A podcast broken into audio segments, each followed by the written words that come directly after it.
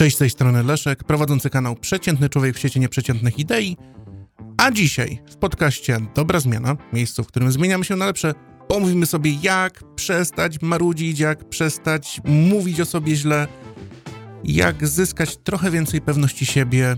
Podam kilka przykładów, podam kilka ćwiczeń, podam kilka dobrych praktyk, jak odzyskać pewność siebie, jak uspokoić trochę wewnętrznego marudę i jak naprawdę, naprawdę zacząć odrobinę szanować siebie bardziej. A przy okazji jestem też autorem książki i kursu Pożegnaj prokrastynację, do którego linkuję w opisie na YouTube. Jest to bardzo atrakcyjna oferta.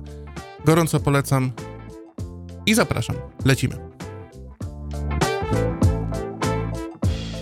Więc słuchajcie, zawsze mnie to frapowało i zastanawiało, jak byłem nastolatkiem, jak to jest, że te wszystkie dziewczyny, które tak mówią bardzo często, a, bo jestem taka gruba, ojej, jestem taka gruba w jakichś tam okazjach, nie są grube, obiektywnie nie są, są szczupłe, z reguły bardzo ładne, i wszyscy dookoła, ale nie, jak to? Przecież nie, jesteś super, pięknie wyglądasz. A ona wtedy, aha, aha, aha, robią takie pozy. No jest to silnie atencyjne. Strasznie mnie to irytowało, bo nie do końca rozumiałem, jaki w tym jest cel, co się realizuje. Oczywiście, no, oprócz oczywistej atencji i takiego poszukiwania komplementów, takiego yy, nęcenia ludzi na komplementy, zarzucania tej wędki na komplementy, to w zasadzie no, nie ma nic tutaj, syci się, syci się taka próżność trochę mm, w takim zachowaniu, ale niektóre dziewczyny mają, mówię dziewczyny, bo najczęściej doświadczałem to wśród dziewczyn, faceci prawdopodobnie też robią takie rzeczy, ale nie wiem, nie jest to w mojej głowie tak charakterystyczne, jak właśnie ten, ten element, to jestem strasznie gruba. I, więc jakby tak długo to robią, że to jest już jakby element natury, że sami siebie upokarzamy. Tylko problem polega na tym, że oczywiście w momencie, gdy słyszymy śliczną kobietę, dziewczynę, która mówi właśnie coś takiego, no to możemy przypuszczać, że jest to faktycznie takie trochę narcystyczne yy, podkręcanie ludzi, szukanie komplementów na siłę. Natomiast w momencie, gdy mamy w moim kontekście też to często spotykałem u kobiet. Dziewczynę z obniżonym poczuciem własnej wartości, znacząco obniżonym poczuciem własnej wartości, która mówi, ale jestem głupia, ale jestem beznadziejna. No to, to mamy przykład większego problemu. No i co my możemy zrobić jako osoby postronne i, e, i, jak w ogóle to interpretować, jak do tego podejść? A jeśli jesteś taką osobą, bo dużo osób zerka na kanały samorozwojowe właśnie z powodu tego, że zidentyfikowały u siebie obniżoną samo, e, samoocenę i próbują coś z tym zrobić, szukają różnego rodzaju rozwiązań, no to skąd się to bierze? Jak można temu, temu zaradzić? No, mi, mi to zawsze przypomina taką sytuację w momencie, gdy zatrzymuje cię policja. Metafora, y, ale, ale ona wydaje mi się bardzo trafna. Zatrzymuje cię policja, bo jechałeś prawdopodobnie za szybko. Więc e, podchodzi policjant, no i dzień dobry, przedstawia się tam i pyta się, no wie pan, jak pan szybko jechał? No i z reguły, z reguły osoby odpowiadają, no, no wiem, no, no być może tam te 3-4 kilometry przekroczyłem, no jest ograniczenie do 50, tam z 50 może 2, 3 jechałem, no tak troszeczkę.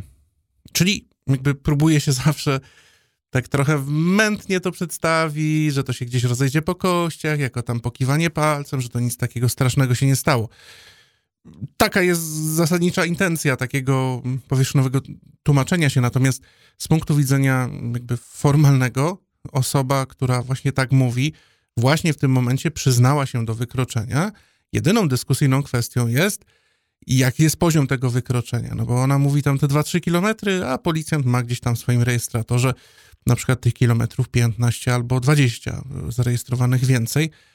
E, no i już wtedy debata się odbywa na straconej pozycji ze strony osoby, która została, została zatrzymana. I teraz to mi trochę przypomina tą sytuację, w której osoba, która popełnia jakiś błąd, ewidentny, coś się dzieje w życiu i, e, i, i kwituje to takim sformułowaniem, zamiast wyciągnąć jakąś refleksję, zamiast mm, zaraz do tego dojdę, zamiast co można było innego zrobić, to właśnie mówi, a jestem taka beznadziejna, jestem do dupy.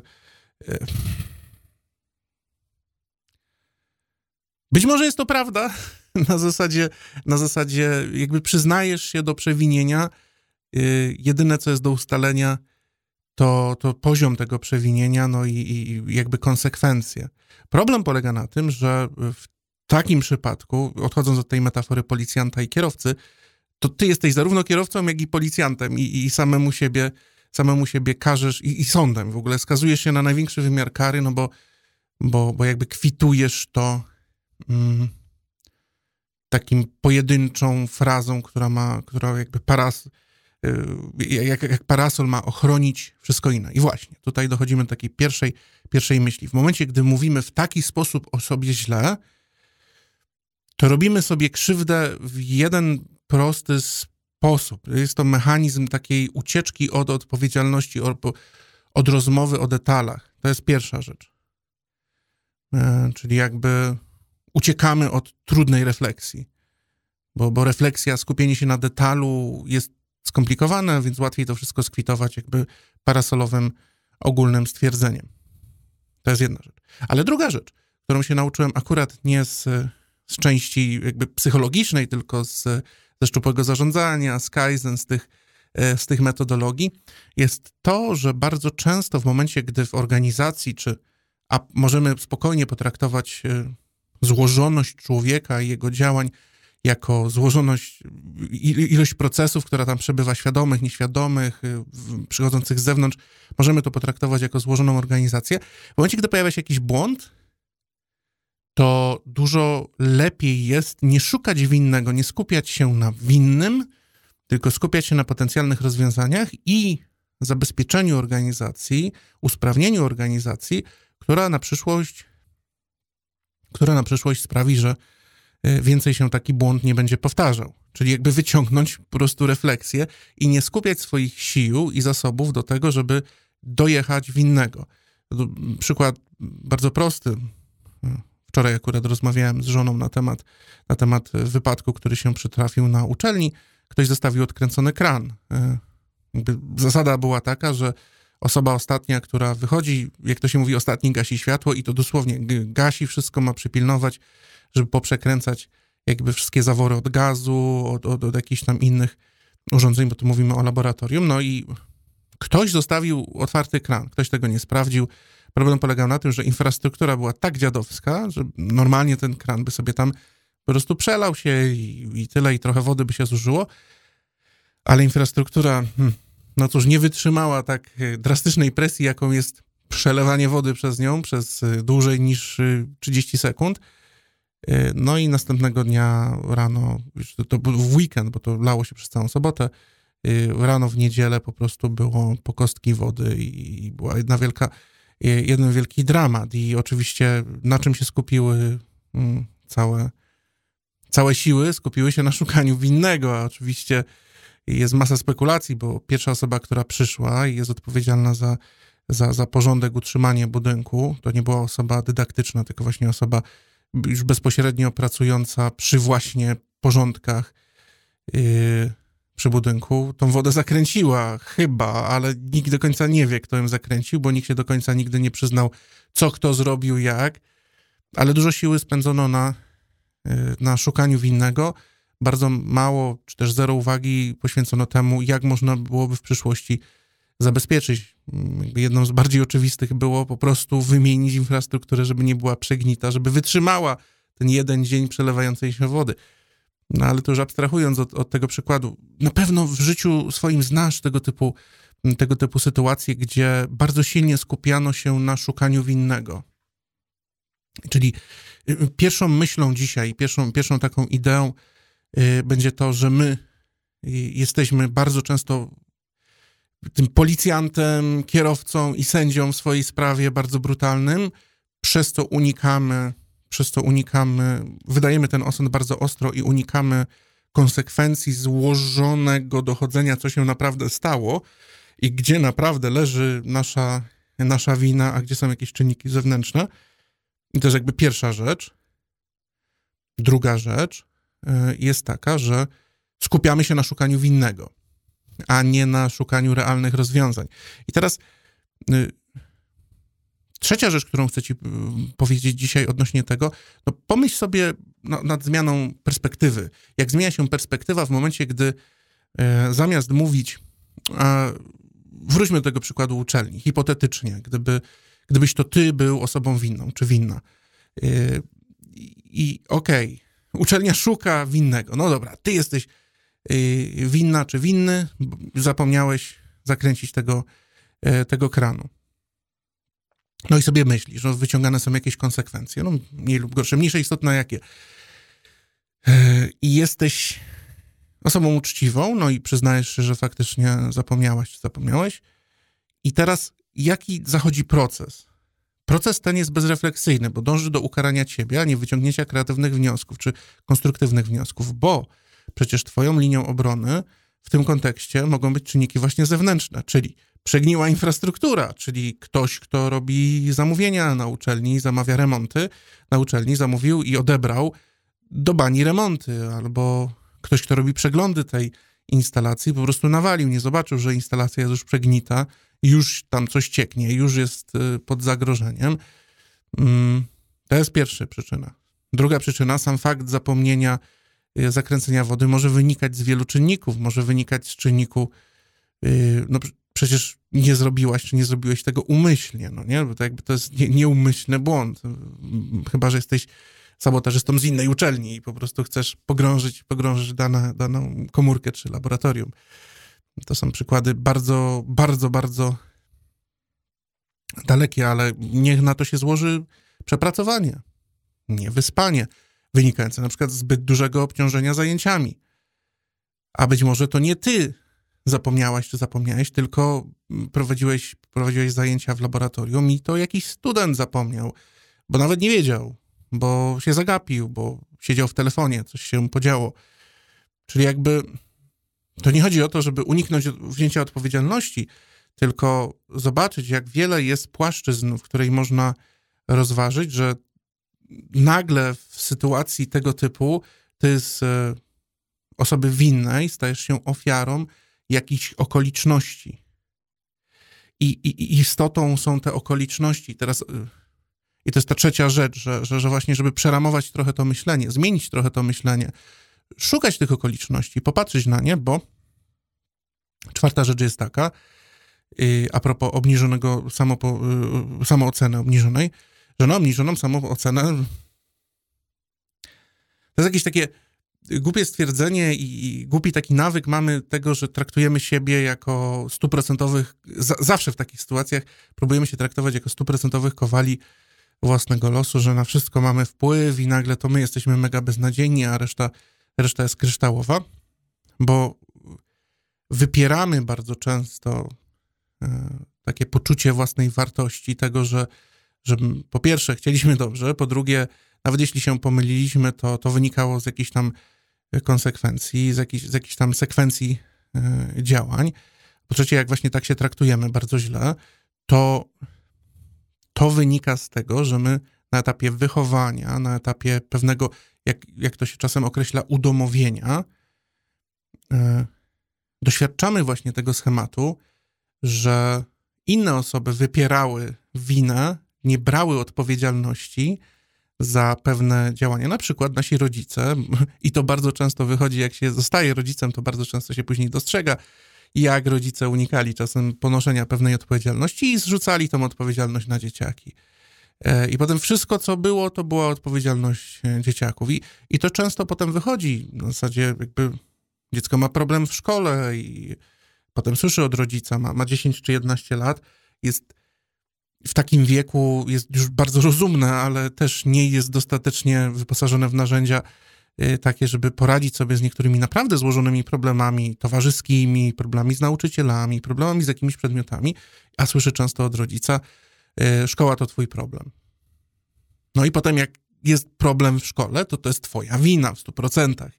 I ta, ta, konsekwencja, ta konsekwencja idzie dalej. I, i rodzice odcinają się od tej, tej od, objęcia tej odpowiedzialności, a odpowiedzialność daje bezpieczeństwo. I to jest, to jest kolejne przemyślenie. Piąte już. Tak dobrze liczę. To jest piąte przemyślenie, że, że w konsekwencji gdzieś cały ten proces takiego wypierania, mówienia o sobie źle, yy, rozbija się o pewną dynamikę odpowiedzialności. To znaczy, po pierwsze, czy my chcemy faktycznie wziąć odpowiedzialność za poprawę własnego y, losu, własnych działań, czy unikamy tej odpowiedzialności? To jest pierwsze, pierwsza sekwencja pytań, którą warto sobie zadać.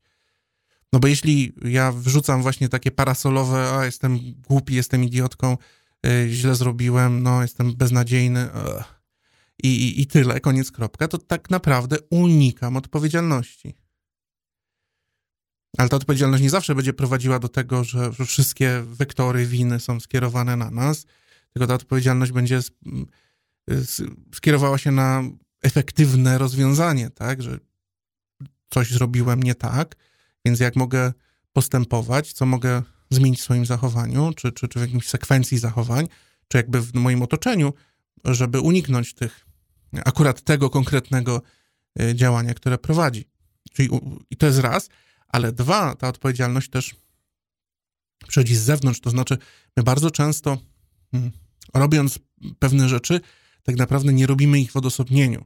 Nawet jeśli wydaje się nam, że robimy je w odosobnieniu, na przykład mamy w miejscu pracy, mamy, mamy samodzielne, stosunkowo samodzielne stanowisko, to ono nigdy nie jest samodzielne w sensie stricte. To znaczy zawsze jest element przeszkolenia, zawsze jest element jakiegoś kierownika, przełożonego, osoby, która weryfikuje, odbiera pracę, y, dostarcza pewne, pewne instrukcje. Te wszystkie rzeczy są, y, są połączone i na, na styku mm, na styku tych połączeń może dojść do tego, że ktoś spycha odpowiedzialność dalej na ciebie, unika podjęcia odpowiedzialności, umywa ręce. Zwłaszcza jak coś się dzieje źle. I to jest bardzo częste, że ludzie tak, tak unikają, więc pierwszy taki prosty apel, który z tego wynika. No nie mów o sobie źle w świecie, w którym ludzie masowo unikają odpowiedzialności. Ty też możesz unikać odpowiedzialności. To też może być forma unikania pewnej odpowiedzialności i wynikającej wcześniej z, z obniżonej samooceny.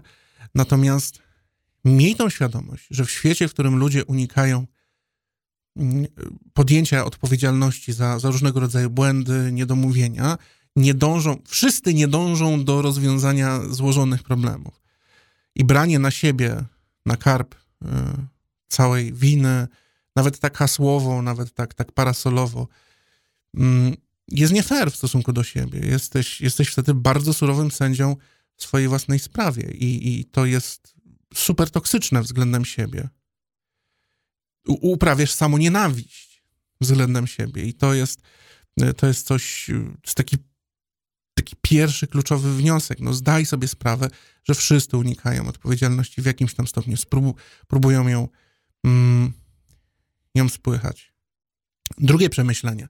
Drugie przemyślenie jest takie, że jeśli sobie konsekwentnie umniejszasz za każdym jednym razem, umniejszasz wpływ na, na, na, na dane działania, bądź też właśnie parasolowo, parasolowo określasz i unikasz w ogóle wnikania w, w złe rzeczy, które się wydarzyły, to odwróć tą sytuację. Wydarzyło się coś dobrego i ty nie będziesz się cieszyć z tego dobrego, bo będziesz umniejszać swojej, e, swojemu udziału.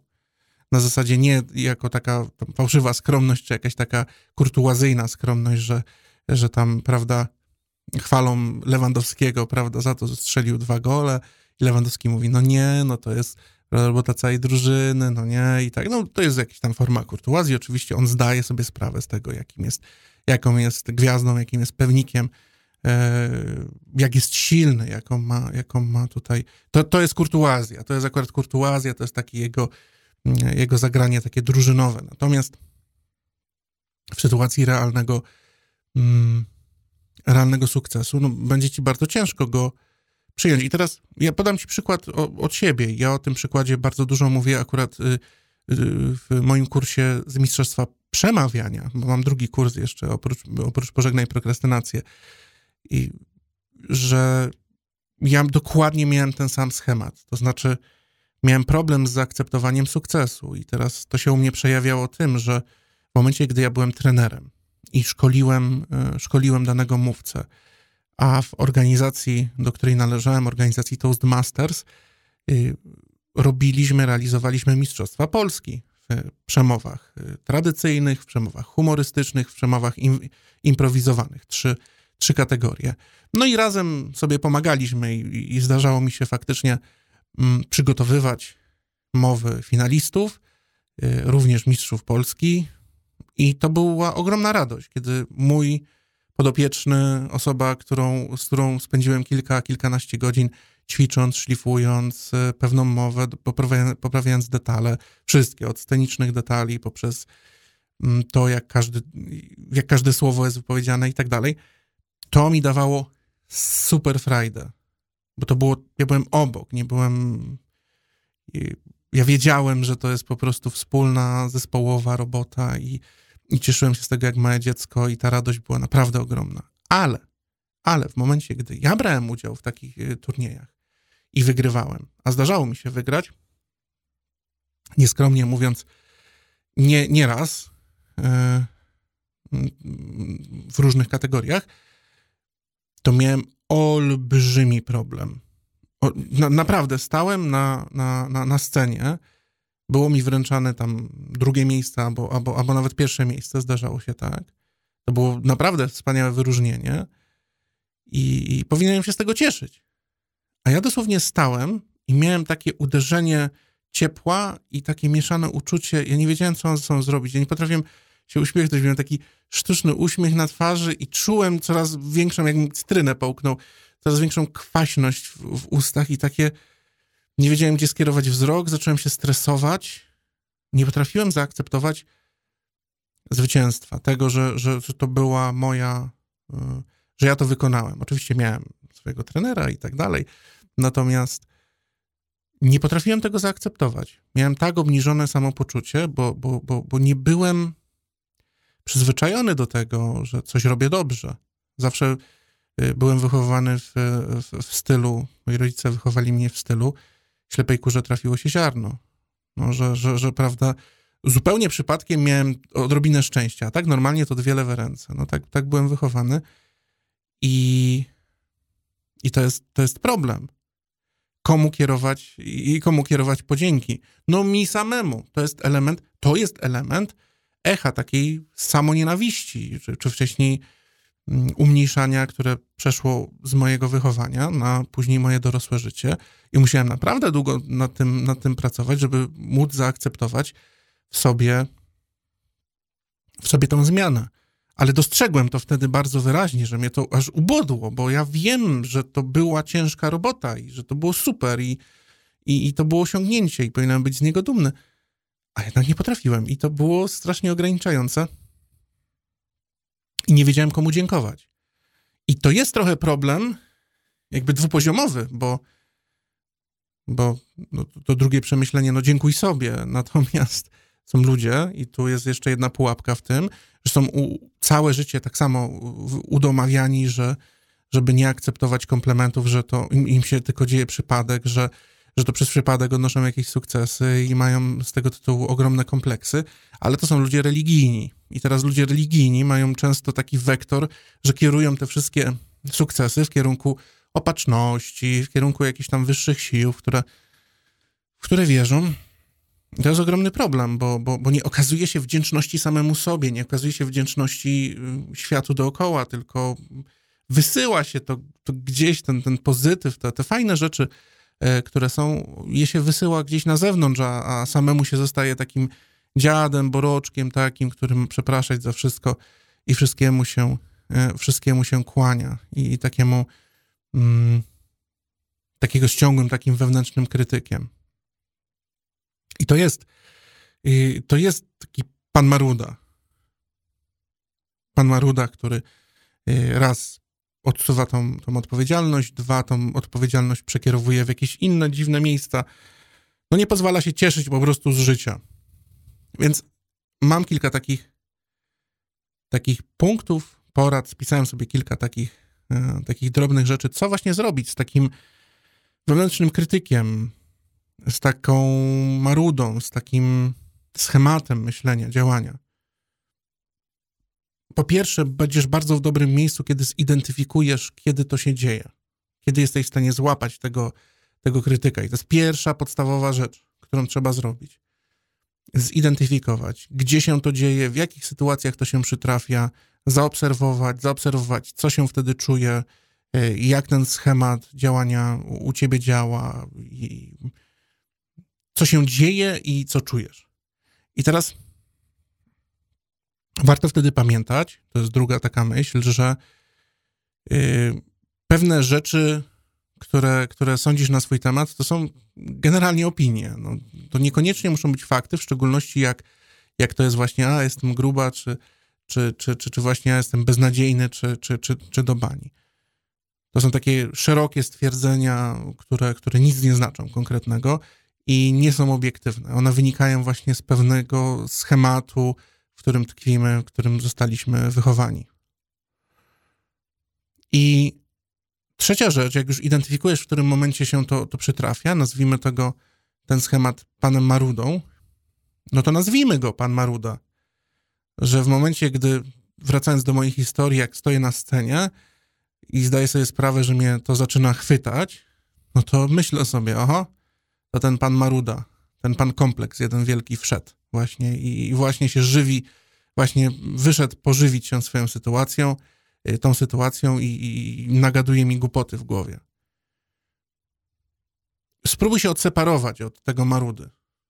On tam będzie, ale spróbuj się od niego odseparować. To znaczy, ty jesteś w danym momencie i miej tą bardzo wyraźną świadomość, że właśnie odbywa się w tobie y, proces, wewnętrzny, nieświadomy, czy też y, proces aktywowany podświadomie, który wynika z Twoich y, lęków i z Twojego obniżonego poczucia, poczucia wartości. Czwarta rzecz. Pozwól Panu Marudzie działać w sytuacjach, w których masz pełną kontrolę.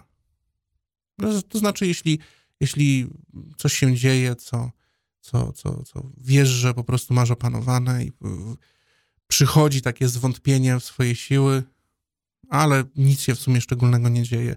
To, to też nie ma sensu, nie ma sensu z tym, z tym walczyć, ale trzeba to obserwować. Pamiętaj, że to w tym momencie trochę ta, ta, ta postać, którą tak wy, wy, wyszczególniamy z naszego myślenia, ona przybiera formę takiego pieska, którego możemy wyprowadzić na spacer, czy próbujemy go ujarzmić, y, oswoić, mm, trzymać go na smyczy, mieć nad nim jakąś kontrolę.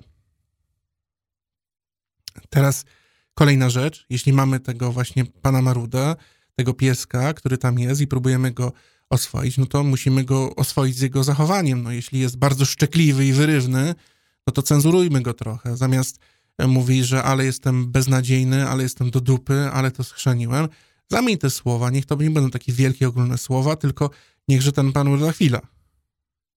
Niech mówi, że nie było to najlepsze no nie, że, że słabo to wyglądało, ale nie beznadziejne. Jakby zmień trochę jego słownik, spróbuj go trochę przypiłować, e, przypilnować to słownictwo. Nie jest to łatwe, ale zmieniasz wtedy trochę negatywność, którą się tak czasem otaczamy, y, na pewną neutralność. To znaczy te, te, te myśli na swój temat, bo, bo nie jesteśmy wtedy, na, na, robiąc takie ćwiczenie, tak naprawdę nic się wiele nie zmienia w naszym życiu. To znaczy, my dalej jesteśmy podatni na popełnienie, na popełnienie błędów, robienie głupich rzeczy i tak dalej. Jakby wyciąganie refleksji się uczymy.